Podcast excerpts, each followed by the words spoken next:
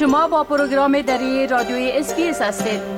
گزارشات عالی را در sbs.com.au دری پیدا کنید.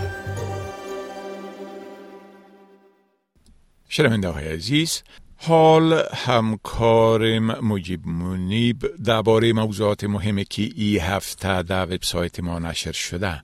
توضیحات میتن.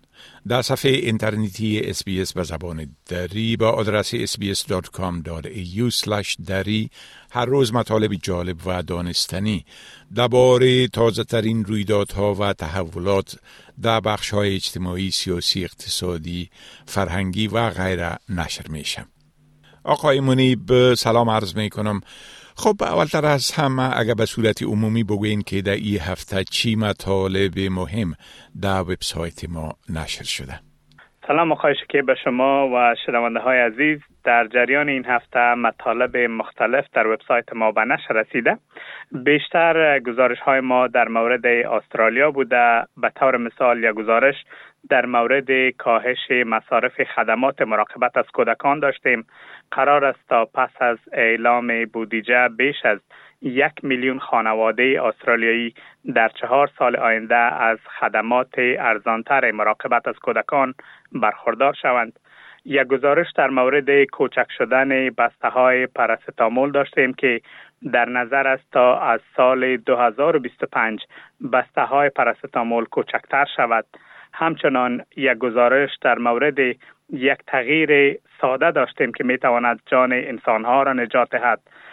حکومت فدرالی استرالیا از نوسازی سیستم هشدار هشدار اضطراری خبر داده که می‌تونه به زودترین فرصت به هر وسیله که در مسیر آتش سوزی قرار گیرد هشدار ارسال کند. در حالی که سیستم فعلی هم پیام میفرسته و هشدار به زبان انگلیسی میفرسته به تلفن های همراه اما سیستم جدید می‌تونه که به زبان تلفن تنظیم شده هشدار ارسال کنه که می‌تونه به زبان های مختلف باشه.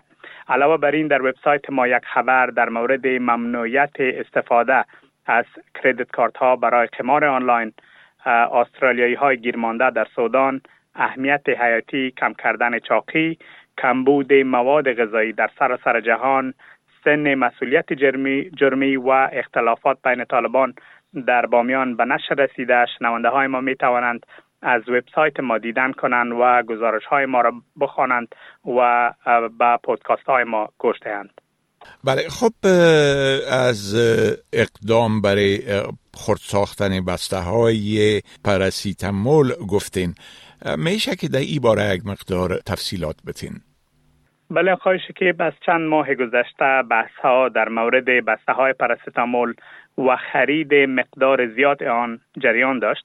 اداره محصولات درمانی استرالیا اخیرا تصمیم گرفته تا در این زمینه محدودیت های تازه وضع کند به خاطر کاهش مصرف بیش از حد دواهای ضد درد از سال 2025 استرالیایی ها برای خرید مقدار زیاد پرستامول نیاز به اجازه فارماسیست یا دواساز دارند.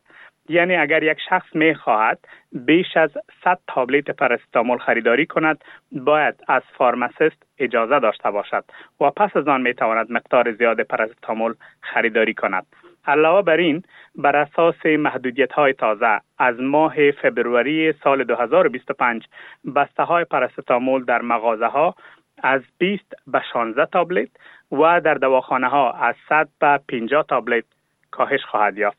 یک گزارش تازه که اخیرا از سوی یک سازمان مستقل به نشر رسیده نشان می دهد که هر سال بیش از 50 استرالیایی به دلیل استفاده زیاد از پارستامول جانهای خود را از دست دادند. پس از نشر گزارش جدید اداره محصولات درمانی استرالیا یا TGA تصمیم نهایی خود را در مورد محدودیت های تازه گرفته است.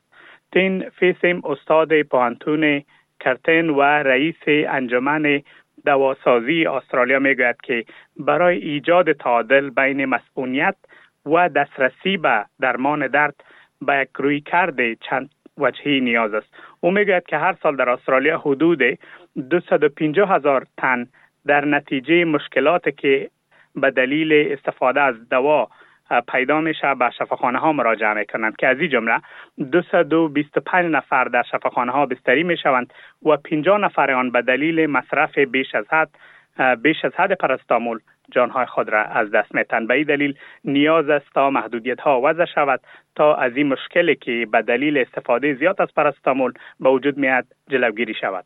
بله خب همچنان گفتین که قرار است در بودجه آینده فدرالی که سه شنبه آینده اعلان میشه مصرف خدمات کودکستان ها کاهش بیابه میشه که در ای باره یک مقدار تفصیلات بتین؟ بله آقای شکیب طور که شما گفتین قرار است تا حکومت فدرالی استرالیا هفته آینده بودجه سال مالی 2023-24 را اعلام کند.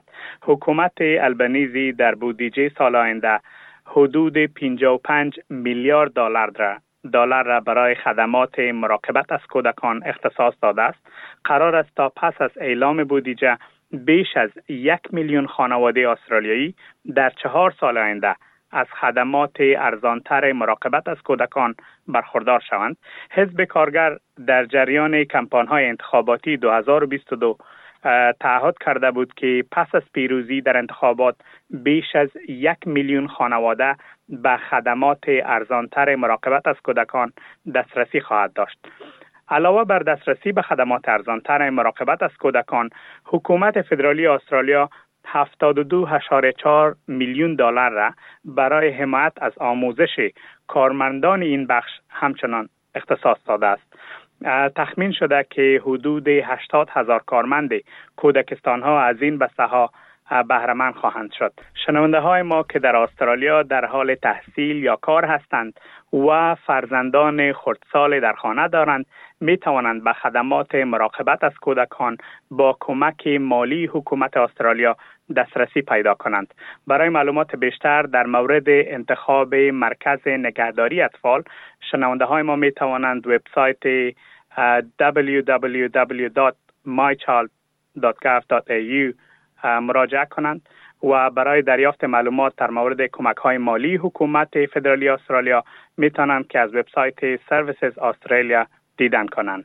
خب بسیار تشکر آقای منیب از این معلوماتتان و فعلا شما را به خدا می سپارم. روزتان خوش. تشکر از شما هم. بپسندید شریک سازید و نظر دهید. اسپیس دری را در فیسبوک تعقیب کنید.